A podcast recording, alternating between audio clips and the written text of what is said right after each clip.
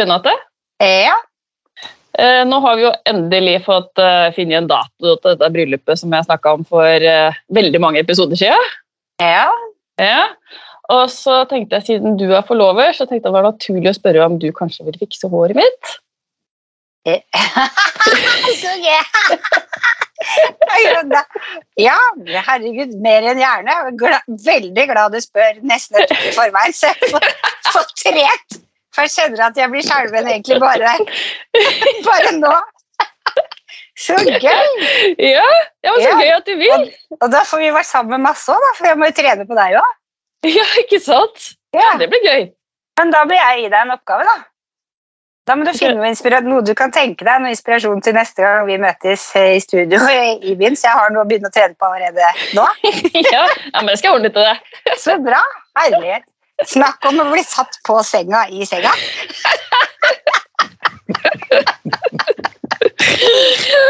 Å, Gud. Herregud, det var, det var for en ære. Hallo.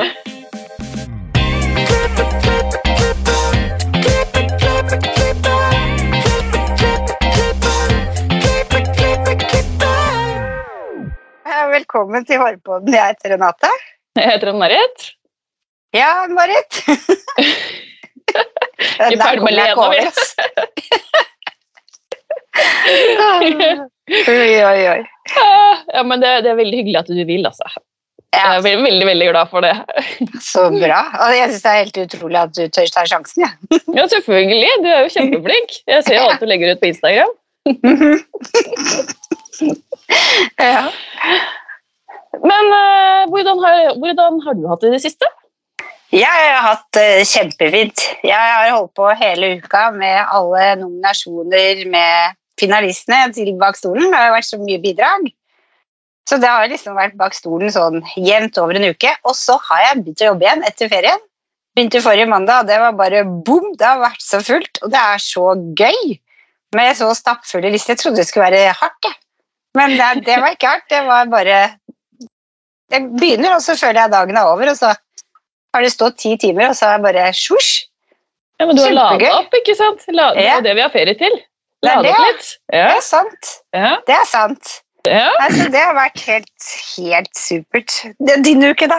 ja samme her òg. Liksom kom, kommet i gang og starta. Og, øh, det er litt sånn Å starte i august det er som å starte liksom i januar, føler jeg. Det er liksom sånn frisk start. Ja. Ja. Nei, det er fantastisk å begynne igjen. Og du skal jo også være med og holde show du, på Bak stolen, så du har sikkert Ja. gjort deg noen tanker om det òg. Definitivt. Det har surra gått veldig. Så det blir veldig bra. Det gleder jeg meg til. Ja, det, det skjønner jeg. Og så må jeg jo gratulere deg, da, for du har jo en kollega som er nominert.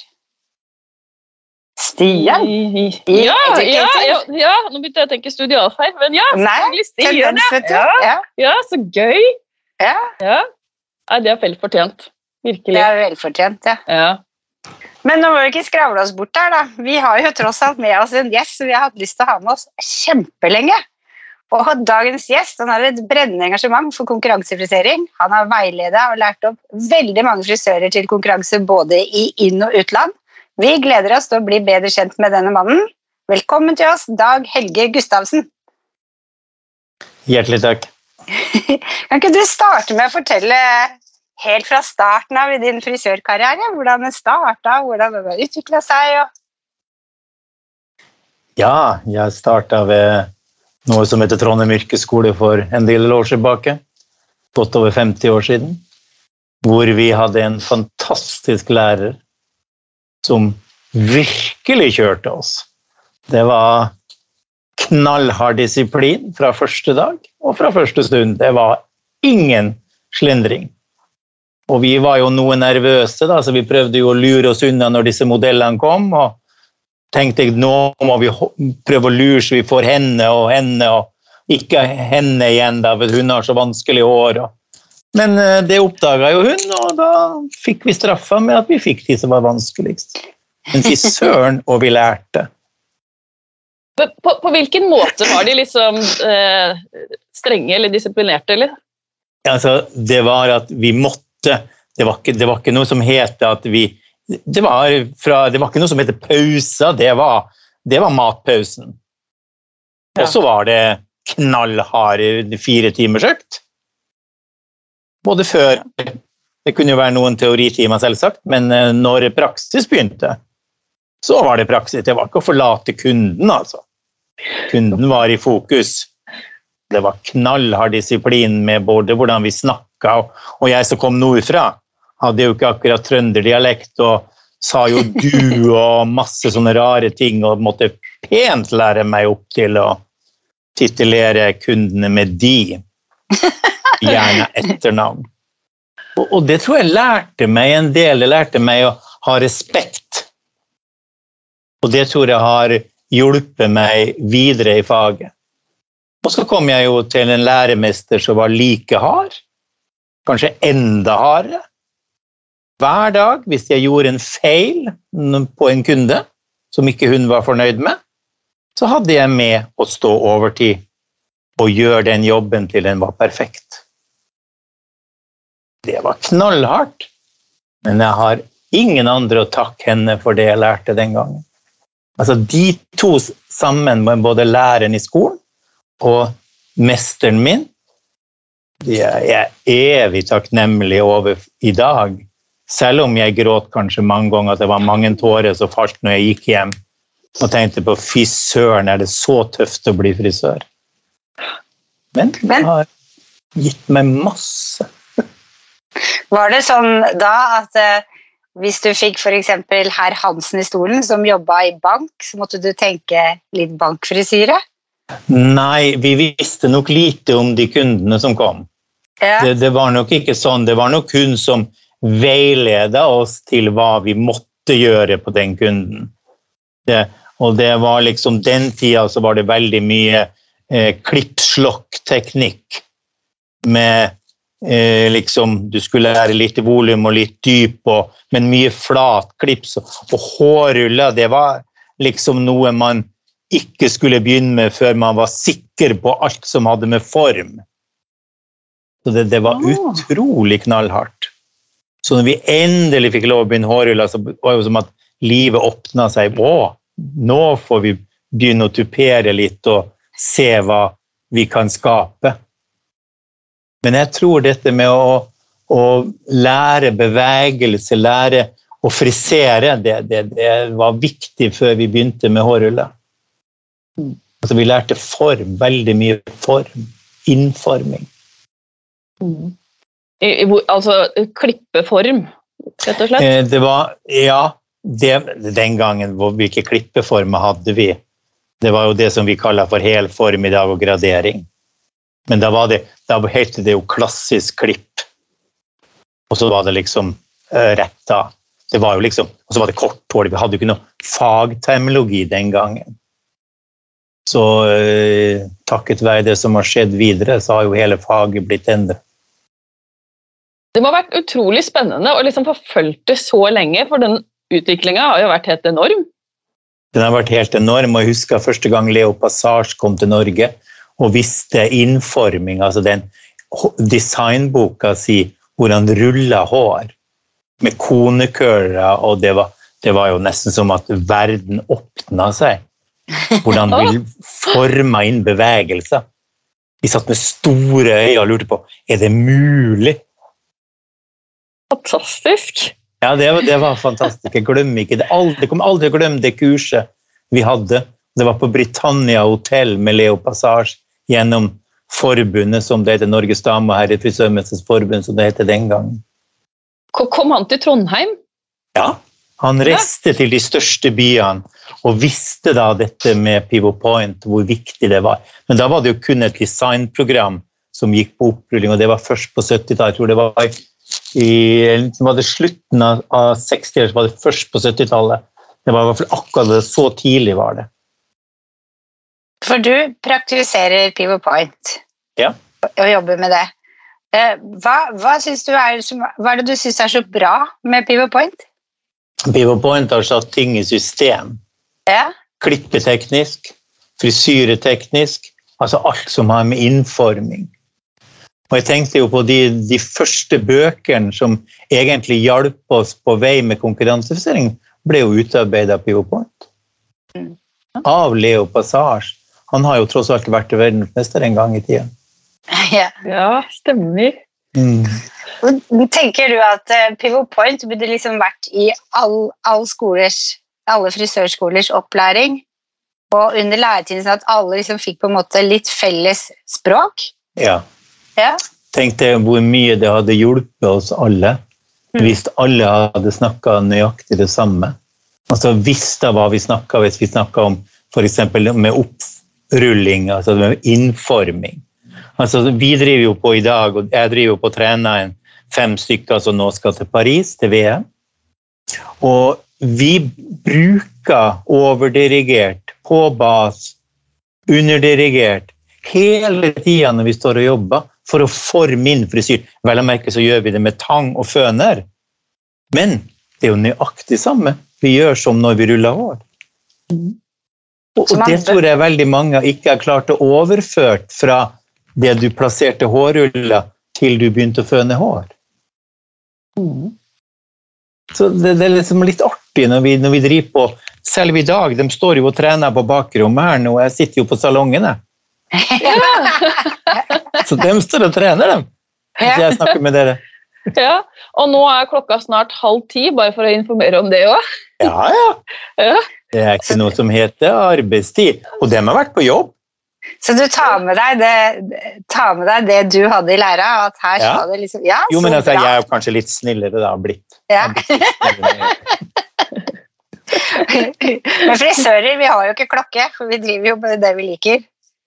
Ja, vi er, vi er jo kanskje ikke så flinke på arbeidstid. Nei. Vi, vi som elsker faget, vi elsker å jobbe bare så lenge så vi kan forme noe. Mm. Så enig. Ja. Men hvordan er det å trene fem stykker som skal til VM? Og er alle fem fra samme sted som deg, eller kommer de fra Eh, jeg bor jo bare fem mil utenfor Trondheim. Ja? Eh, to av dem er jo fra Støren. ja. eller jobber i en salong på Støren. De er ikke fra Støren, men de er eh, i distriktet uten. Og så er de tre andre fra Trondheim. Og det er jo ikke noe stor avstand inn til Trondheim, det tar 40 minutter. Så fra i morgen av så skal vi være i treningsleir hele uke. For når er datoen for VM? Eh, det er eh, 11. og 12. september. Oi, oi, oi. Og da får du reise med. Hvor er det hen, da? Her i Paris. Oi! Men da blir du med, da. Selvsagt. Å, gud, så gøy! Du Vi må jo ha en som står og passer på at de passer tida si. Det er den liksom Alle land har jo sine egne eh, stasjoner. Og så skal jo speilnumrene deles ut, og da må det være en som springer og henter dem. Ja. For det er ikke bare å forlate det hodet du har eh, gjort klart. For det er alltid en som har lyst til å komme og rote litt oppi til deg. Er det sant? Er, er det noen som har gjort det noen gang? Eh, Vi har kanskje ikke direkte sett det, men vi vet at det finnes. Alltid noen som skal komme og røre på for å se hva vi andre Det er jo litt som i alle andre konkurranser, det er å psyke ut deltakerne. Jøsses. Det er jo psyken det går på. Ja. Ja, ja, det er jo det. Ja. Hvis, blir... du ikke selv, hvis du føler at du blir liksom Ja, så kan jo Oi, unnskyld, hva er det du tror du skal bli for noe? med det der? Men- Men hva er det som har gjort at du har blitt så engasjert i konkurransefrisering? For du Ja, altså, er jo det, jeg hadde jo en sjef som jeg sa når jeg gikk, begynte i lære etter skolen, og hun drev med konkurransefrisering. Og hun introduserte meg og forlangte at jeg skulle gå på det. Og så begynte jeg å delta i masse konkurranser som lærling, og det var jo litt morsomt, for da konkurrerte vi mot svenskene, vi konkurrerte mot Oslo. Altså, det var veldig mange flere konkurranser enn i dag, så det var masse, masse små konkurranser. Trondheim-Oslo konkurrerte mye. Trondheim, Oslo, Sundsvall. Og det var utrolig mye spennende som foregikk den tiden. Og det er synd at det er borte. Hva tror du skal til for å få det, få det dit igjen? Ja, si det. Altså, den, dette med konkurranseforskning har jo dødd litt ut. Det er jo en liten gruppe. Og det er så synd. For eh, når jeg tenker på disse som vi sikkert kommer til å snakke mye om senere, så disse her som nå jeg står og trener nå på Støren, det er jo på Støren nå. Så de tre fra Trondheim de treffer ikke før i morgen tidlig. Eh, sånn at de står jo her og trener sammen med meg nå. Og det er klart at de trente jo mens de gikk på skolen. Da de gikk eh, andre året på skolen, hadde, eller både første og andre år, så hadde vi jo den covid, som gjorde at de fikk jo ikke noe kundepraksis. Og hun ene da som eh, jeg hadde hatt kontakt med tidligere, vi sto hele tida, og hele påska f.eks., sto vi på salongen når salongen var stengt, og klipte dukka og trente på dukka. Hver dag. Men det er klart, det kom jo an på at hun ville. Jeg hadde jo ikke gjort det hvis ikke hun ville. Jeg, jeg fikk jo ikke noe betalt for det. Jeg gjorde det jo bare for at jeg syntes det var gøy. Altså, Når du har ungdom som vil, så må du gi dem noe. Og det føler jeg at når det er jo ungdommen vi må satse på. Vi sjøl er jo på vei ut. Jeg lever jo ikke evig. Og jeg er jo blitt voksen i dag, og jeg jobber jo ikke fullt lenger. Men jeg jobber jo mer enn fullt når jeg driver på og trener med dem. Jeg har nå vel sikkert 80-90 timer i uka. Wow! Wow. Ja, vi er sammen. Vi er sammen hver dag. Men det må jo føles bra å kunne noe veldig godt, og så kunne videreformidle det og se at de lærer å ta seg til det, at de liksom tenner en gnist. Da vil jo de kanskje tenne noe i deg òg. Ja da, vi har jo ei som står her som skal vi, Det har litt med alder å gjøre, så vi har bare ei som får delta på junior, selv om de er juniorer, de fleste. Men eh, alderen har- eh, blitt satt ned, og det har jo med at man begynner mye tidligere i faget i dag. Så derfor så har jeg bare én av oss, og det er klart at de er jo lærlinger. Al- De som står her nå, de er lærlinger. Men hun ene hun har plutselig vært bare to år i faget, og hun må delta på senior. Men hun deltok jo på senior på NM og ble nummer to. Wow! Wow. Det var første året hun deltok i en konkurranse etter å ha kommet ut fra skolen. Men det er enda morsommere. Hun vant jo Brud senior på digitalt da hun gikk på skolen. Oi. Men det er klart hun sto jo i salongen og trente, så vi sto jo her og trente med henne. Det må være litt av en boost for henne. Og Altså, det er jo en boost for faget. Mm. At det går an. Altså, jeg det som jeg sier til dem, Høstflot Klæbo blir jo heller ikke god på ski hvis han ikke trener. Nei. Det, det er trening som skal til. Altså, du blir god hvis du, hvis du vil bli god. Ja, For det er jo, men det syns jeg er også sånn i salongsammenheng. Det er mye morsommere, og jeg savner det, for det er ikke så lenge siden at folk ikke ville hjem fem på fem. Nei. Det, det beste er de som gjerne vil stå over, og som vil snakke fag og kanskje gjøre noe etter jobb. og det er, Jeg føler at det er det vi må få ta tilbake. Og få tilbake det lite grann. Få den gnisten. Mm. Og det tror jeg har med å skape miljø. Ja. Vi har det litt gøy. At jeg ikke kjefter hele tida. Sånn som én bevegelse i luggen og som vi har stått og trent på i ja, fire uker. Og endelig på søndag så satt den. Tenk på én detalj har vi trent på i kanskje fire uker, og på søndag satt den. Og da vet du, blir jo gleden så god til oss alle at da må vi liksom feire. Og da har vi det gøy. Da stopper vi, og så har vi det gøy. Jo, men da må man gi noe tilbake, for da har, da har man oppnådd Endelig så jeg den bevegelsen kom. Og det er den mestringsfølelsen. Herlighet. Det, Ja, du kan jo stige Mount Everest på to dager når du klarer å mestre noe. ja, selvsagt. ja, hva vil du si at de som konkurrerer, sitter igjen med etter de har konkurrert, av kunnskap og ferdigheter? Det har jeg sett allerede på disse jentene som vi nå begynte å trene da de gikk på skole og denne coviden kom hvor skolen ble stengt, hvor de bare satt og jobba digitalt. Da jeg så den treningsinnsatsen og hva dem Og husk på, i dag de går med førsteårslærlinger, nå de akkurat nå er de andreårslærlinger i salongen. De står med fulle lister. De tar inn over 100 000 i måneden. Hallo? Med lærlinger Asprisa. Oi. Ja. Oi. Og, og, og når jeg spurte dem her om dagen hva tjener dere? Nei, vi har, måtte jo få litt provisjon og litt av det. Og de ligger på en sånn cirka utbetalt godt og vel 20 000 i måneden. Ganske fantastisk som lærling. Ja. Begynnelsen av tredje året. Altså andre året på, på i salong. Altså det er jo siste året i lære, da. Jeg syns Ja. det er fantastisk. Ja, det er det. Å lande med de prisene vi har. Ja. For, vi må jo bare si at eh, i forhold til sånn konkurransevurdering, så vet jeg at uh, Fan Marit og jeg sitter i Oslo-lauget. Ja. Og de starter jo opp med noe nå som heter eh, Oslo Masters. I oktober da begynner med første konkurranse, er Fade.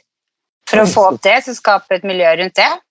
Det er Peter von Kunz, som er eh, lederen i Oslo-lauget, han brenner jo veldig for konkurranser. Og så har det vært snakk om negler, må få det på plass for å få det litt tilbake igjen. Og så har vi jo Ann-Marit, som er en ihuga oppsetter som brenner for det. Så da har det vært snakk om at vi kanskje skal få til det. Sånn at vi på en måte er i gang med å starte opp andre typer konkurranser. Vi håper smitter til de andre laugene, så at man kan få sånne små steder, steder hvor man kan møtes, treffes, mingle, hvor det er gøy å være sammen som frisør igjen. Ja, det var jo sånn.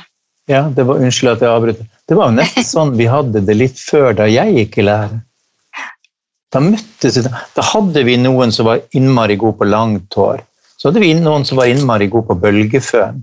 Så hadde vi sånne sammenkomster hvor de visste oss og fikk oss til å gi litt inspirasjon til å tørre. Bølgeføn var jo noe av det verste man visste. Det var jo, noe, det var jo mare, husker jeg. For jeg Det jo du flink på. følte jo ikke at jeg mestra det til å begynne med. Men når du fikk sånn en som sto der morsom, og så var han kanskje et år eldre enn deg, eller to, og visste det Oi, klarer hun, så må jo jeg kunne. Jeg tror nok at konkurranse er litt sunt. Lære Ja. av hverandre. Det er, miljø er sunt òg. Det å treffes og dele. Så man må vel ta litt tilbake det som var, tenker jeg. Jeg håper det. Mm. Ja, for det, det er liksom for at folk er flinke til å arrangere ting og sånn, men det å få et oppmøte, det er liksom det, hvordan skal man få folk til å komme? Jeg synes det er liksom utfordringa. Ja. Det har, du, det har du helt rett i. Ikke at jeg har noe svar på det heller, altså, men eh, ja. Jeg tror nok at mestrene må være flinkere til å motivere lærlinger, og også ansatte generelt, for å få dem til å gi det lille ekstra. Og jeg sier jo enda, det står så flott i, i formålsparagrafen, ta ansvar for egen læring. Jeg har inntrykk av at tar folk ansvar for egen læring når de begynner på skole i dag, eller når de er i læretida, eller senere? Gjør man det?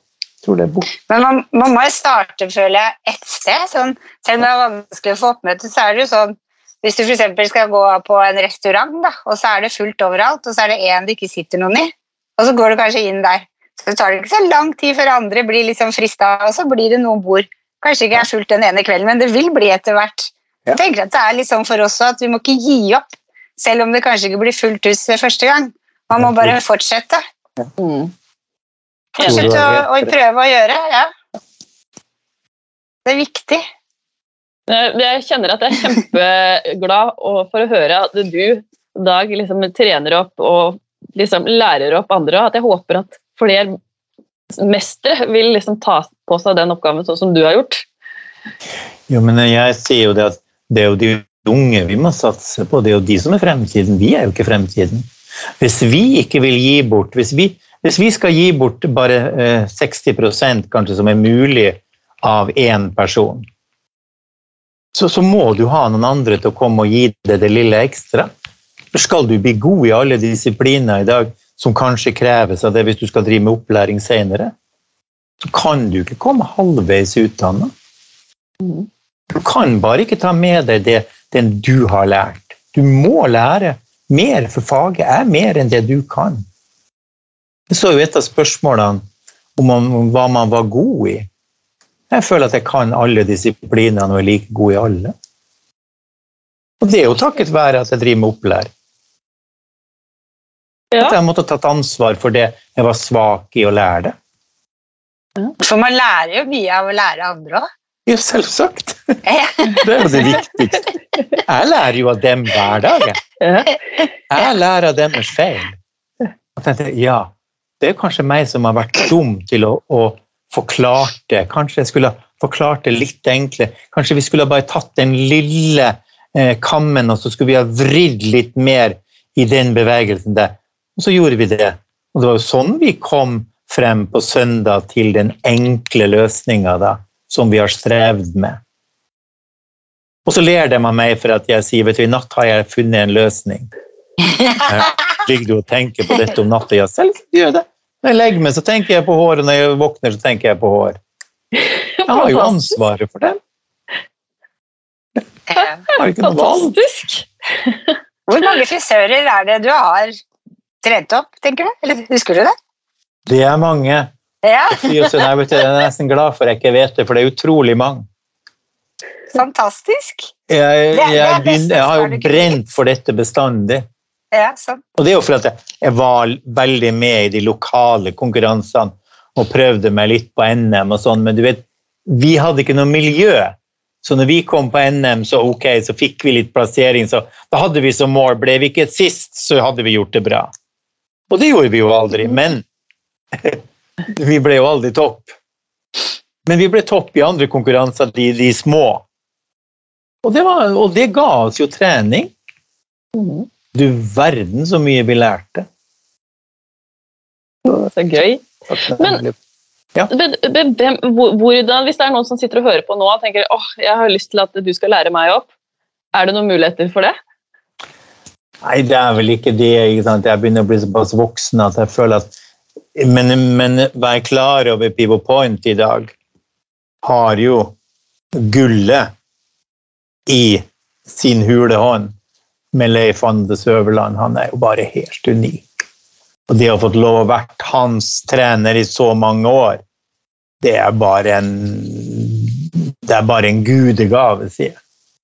For han har blitt så dyktig i dag at det, det skal mye til for jeg klarer å sette ham på plass. Men du verden så artig vi har det når det skjer. Altså, for han, han er bare rådyktig, men du kan se det blind på ting. Og det er da jeg prøver å si kom hit, og ser du den vinken der. Hva tror du dommeren ser? Og, så, og det er jo sånne prøver.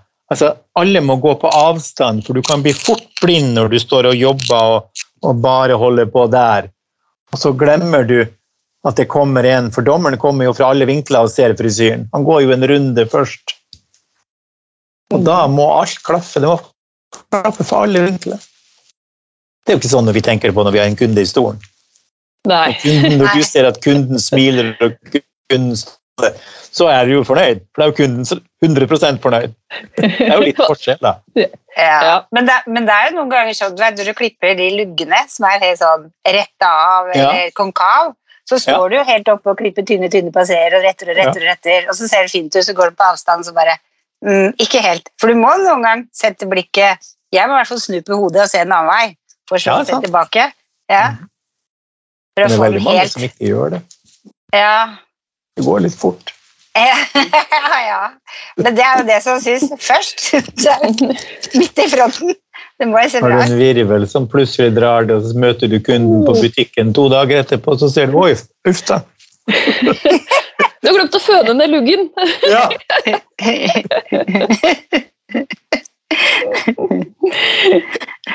Har du en morsom fris frisørhistorie fra den kar karrieren som du har lyst til å dele med oss?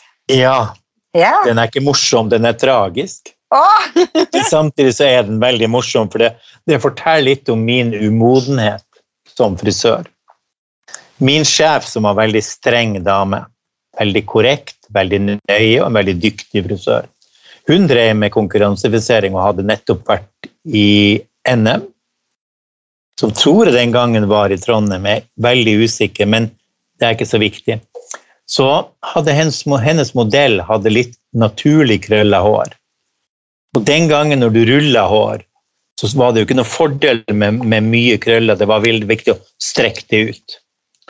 Og sjefen skulle ha et, et møte i byen. Og så sier hun modellen min kommer, så kan du være så snill å ta antipermanent på henne. Ja da, det var ikke noe problem. Så, og jeg husker enda at permanentolja heter Kaskade, som var for svartskoff. Det var, fant, det var jo bare én olje for alle typer hår, det var ikke noe mer den gangen. Det er jo en del år siden, skjønner dere nå.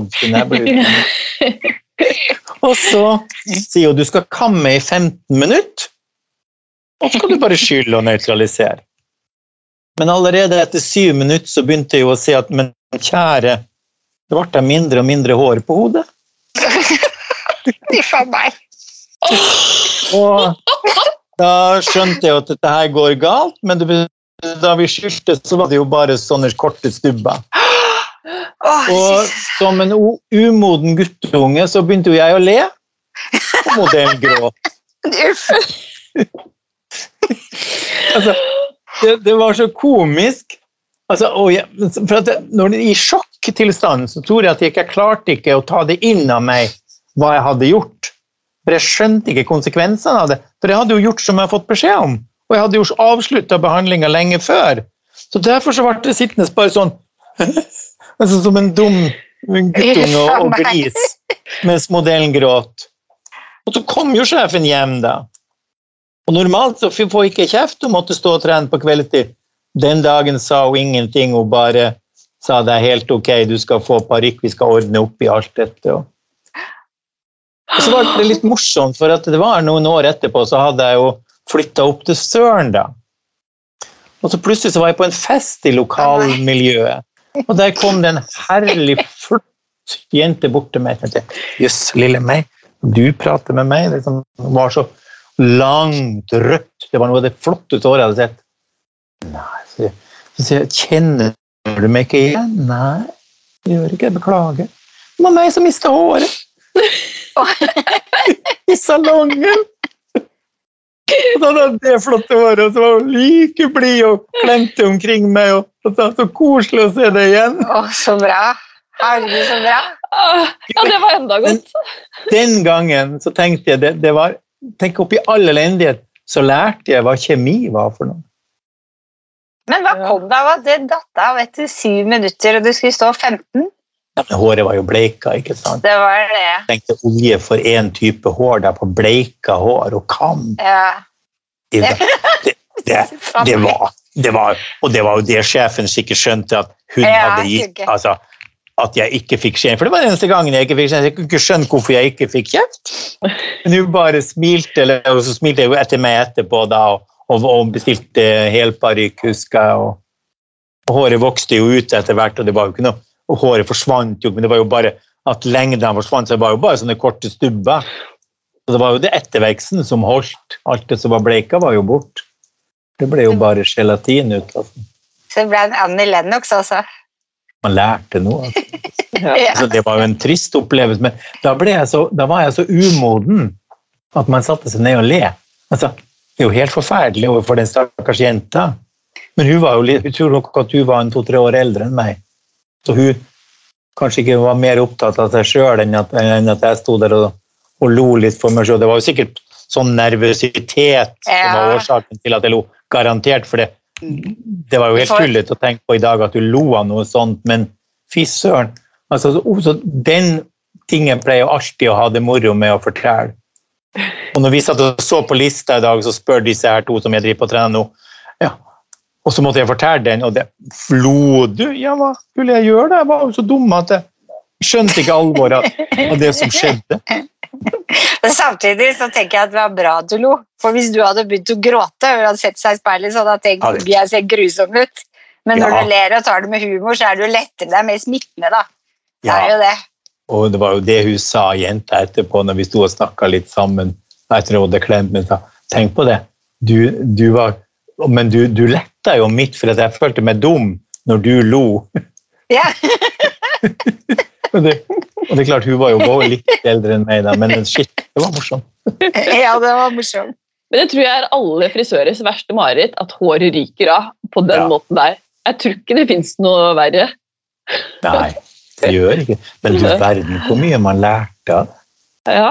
Aldri lært så mye. Da skjønte jeg først at kjemi det er ganske alvorlige ting.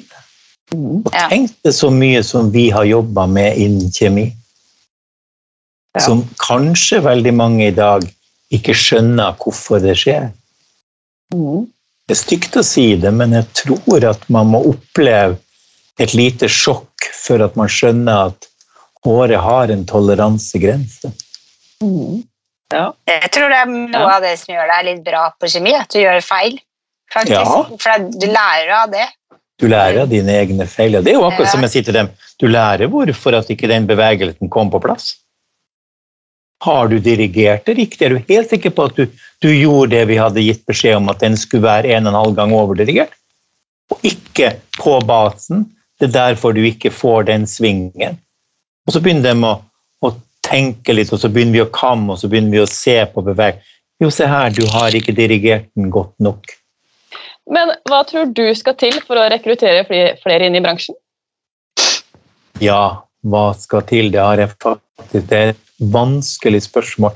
Jeg tror at skolen må begynne litt tidligere og vise dem at faget er mer enn de, kanskje litt av det kjedelige som blir vist, kanskje, så de får en feilinntrykk av mange ting. Altså at de lærer å F.eks. hvis de lærer en bølge, da, hva en bølge er for noe, da. Og så plutselig se at alt vi gjør på konkurransefisering, det er bare bølger. Som alle syns er så kjedelig. For de klarer ikke å se overføringsverdien i det. Nei. De ser bare for seg de 20-tallskrøllene, eller bølgene. Ja, jo, men Det er jo det vi tenker på. Mm. Veldig mange. Og det er kanskje det som blir visst litt feil. Altså, vis at, eh, og, det er klart at Leif Anders hadde jo gøy med Jeg trente han jo til Wordskill? Og, og gjorde så masse. Og han har jo, bare, han har jo en stå-på-vilje som er helt enorm. Gutt. Og de sier, får ikke snakke om disse jentene her, og alle de som skal ned til VM, og dem er jo helt enormt. Vi bruker Vi har siden påske så har vi stått hver søndag og trent. På sin påske 2021? Ja. Ja, oi, herlig! Altså, vi trener hele tiden. Å, fy fader. Farger og sender bilder og står på. Husk på det, bare å farge inn disse to hodene til VM, så tar det en 70-80 timer. Ja. Og da kan du sjøl tenke deg hvilket arbeid det er å farge inn, ja. når du endelig har bestemt deg hvilke farger vi skal satse på. Mm. ja det blir spennende å se hvilke farger du skal satse på, for det har du jo ikke lov til å si. Nei. Nei. Jo. Ja, det kjenner jeg jeg gleder meg til òg. Ja. det er jo veldig naturlige frisyrer. De skal jo prøve å gjøre det så det er kun brud som er teknisk. Eller så skal det være veldig mer tilpassa eh, det du kan bruke på en kunde. Og Det er ganske spesielt, for det spørs jo hvordan dommerne oppfatter det fra forskjellige land og fra forskjellige kulturer. ja, sant. Så det er faktisk nytt. Det skal være så kommersielt som mulig. Det skal være så naturlig. Og det skjedde jo på NM. Så At man skal liksom frisere så at en kunde kan gå med det. Det er kun på brud der som lærlingen skal være med, at vi får lov å bruke litt av de gamle, vanskelige teknikkene. Så det, det er klart så Da skal du tilpasse det, og så skal du vite at dommeren elsker det du gjør. Men vet dere hvem som er dommere, og hvilket land de kommer fra? Så du på en måte kan tenke Nei, Det vet nei. vi ikke, men en av de faste dommerne som har vært veldig god, og som sikkert har gjort en fantastisk jobb der, det har vært en Steven eh, Han er, han er fra England, og han dømte jo også på NM nå i år. Og Det var litt morsomt, for på søndag morgen til frokost så kom han bort og sa til meg at nå må dere komme på VM, for jeg likte frisyrene deres utrolig godt. Wow! Wow. Og, og det ga oss en liten inspirasjon. Når han sier det, så betyr det jo at vi har klart og, og tenkt hva han tenker. Men det betyr jo ikke at vi har klart å tenke som en fra Asia. Nei. De tenker nok litt annerledes enn oss. Oh, så gøy. Jeg gleder Og vi vet aldri hvilke for dommere det Før så var det at én dommer fra hvert land gikk og dømte. Det jo, tok jo for lang tid. Så nå blir den plukka ut. Så du skal dømme f.eks. aftenmote. Du skal dømme øh, den som er på teknisk. Altså, så de blir spredt litt mer. Mm. Så Derfor så vet du aldri hvilke dommere vi får. Og det er jo det som gjør at faget vårt blir spennende. Altså Mm. Også når vi er på, på VM. Mm. Enig. Jeg er helt enig. Men du, Dag, vi har noen faste spørsmål til deg også. vi. Ja, Ja. Har du noen tips til frisører som vil opp og fram? ja. Sats på å finne de rette opplæringsbøkene. Jeg sier sats på PivoPoint. Det har hjulpet meg. Jeg bruker PivoPoint til alt. det. Jeg har brukt dem i skolen. Jeg har jo tross alt jobba som lærer siden i 73. Så jeg har jo brukt det som kom etter hvert, og jeg har jo også vært så heldig at jeg har fått lov å vært ved Pivo Point-skolen ved flere anledninger i Chicago. Og gått på del av opplæringa, så jeg Du finner alt der. Og tenk på at det bruker vi i dag. Derfor må jeg si du finner alt der. Alle bevegelser, alt vi gjør, er i bøker. Vi trenger bare bøkene. Ja, faktisk. Jeg, jeg, tror ikke, jeg tror ikke alle menneskene, altså alle frisører er klar over at de bøkene finnes på markedet. Jeg tror ikke PivoPoint klarer å nå ut til alle. Jeg håper at de gjør det, men da spør jeg meg sjøl hvorfor har ikke alle salongene det der? Hvorfor bruker ikke alle skolene? Alle skolene bruker nok PivoPoint, men de bruker ikke bøkene så bevisst, og det materiellet som finnes bevisst. Mulig det koster, det vet ikke jeg. Jeg er jo ikke skoleledelsen på skolen, så jeg kan jo ikke uttale meg lenger. Man kan jo snu på seg og si at det koster mye mer å ha frisører som ikke er dyktige i faget sitt. Da. Så kan man Jeg bruke de pengene og få gode frisører istedenfor. For, men tenk deg når sagt. alle har en fagterminologi som er lik, Ja, er det er mye det. enklere. Mm. Men altså, Mm. det gjøres veldig mye i Norge nå. Det gjør det. Altså, vi, vi må ikke svartmale, kanskje høres ut som vi svartmaler ting, men, men det er skoler som ikke bruker pivot point bevisst, og kanskje ikke er tøff nok til å kjøre hardt nok. Altså. Jeg tenker på min egen opplæring. Jeg er så takknemlig for den respekten vi fikk for at vi måtte ta ansvar. Altså, du ble ikke noe hvis du ikke gjorde noe. Nei, og det er jo sånn i dag òg. Vi må jo liksom jobbe for å få det til. Vi må ha mengdetrening. Vi må Du må, Vi det må gjennom aldri. Ja, ja. altså, tenker jo på mine, en, en datter jeg har som er veterinær. Hun må jo hele tida utvikle seg også og, og perfeksjonere seg og videreutdanne seg. Ikke bare å bli veterinær og så du skal klare alt. Det gjør du ikke. Jeg tror det er sånn i alle, alle yrker i dag. Det er ikke så enkelt. Hva inspirerer deg? Altså jeg er jo veldig opptatt av å bruke mye naturen, fargene fra naturen. Altså, mye av det vi jobber med, se, se på form. Du ser det i skulpturer, du ser det i alt i dag. Det er bare å bruke fantasien og leke. Ser mye på bilder, ser mye på kunst. Så ser du en bevegelse. Oi, den var spennende. Det er jo en bølge det der. Ja. Altså, man blir jo litt gal når man er sånn. Jeg kan ikke noe for det, jeg er født sånn. Nei, det, er, det er veldig inspirerende å høre på. Ja, det er det der. virkelig.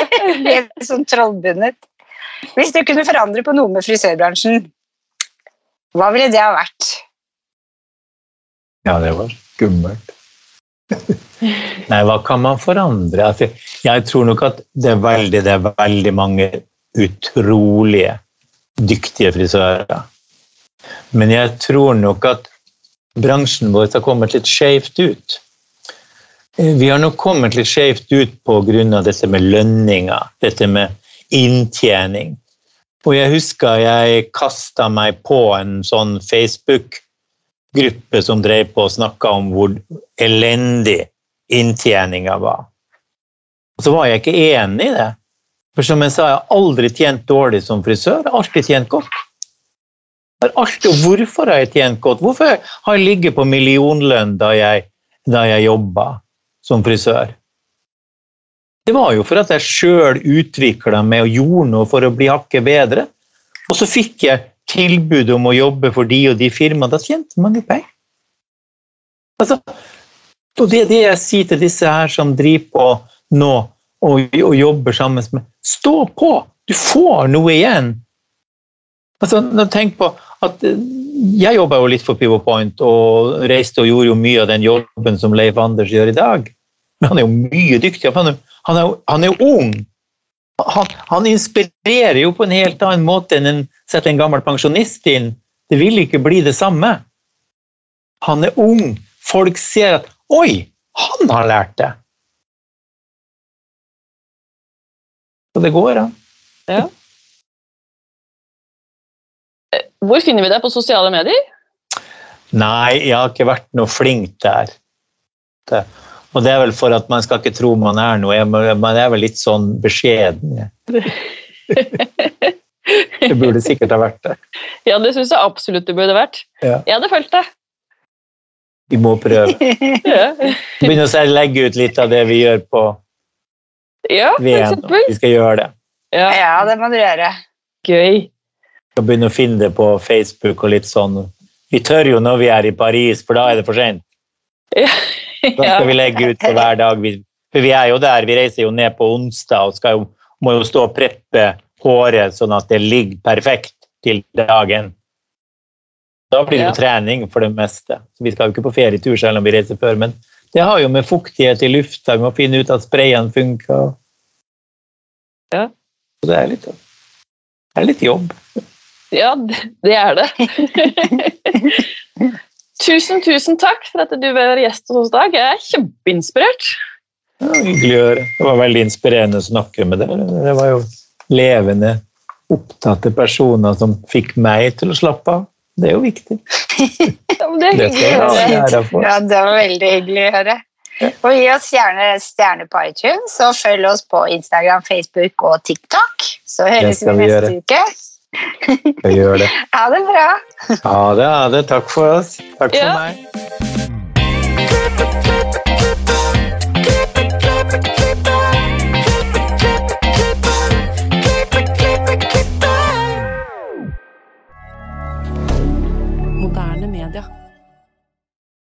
Har du et enkeltpersonforetak eller en liten bedrift? Da er du sikkert lei av å høre meg snakke om hvor enkelt det er med kvitteringer og bilag i fiken, så vi eh, gir oss her, vi. Fordi vi liker enkelt. Fiken superenkelt regnskap.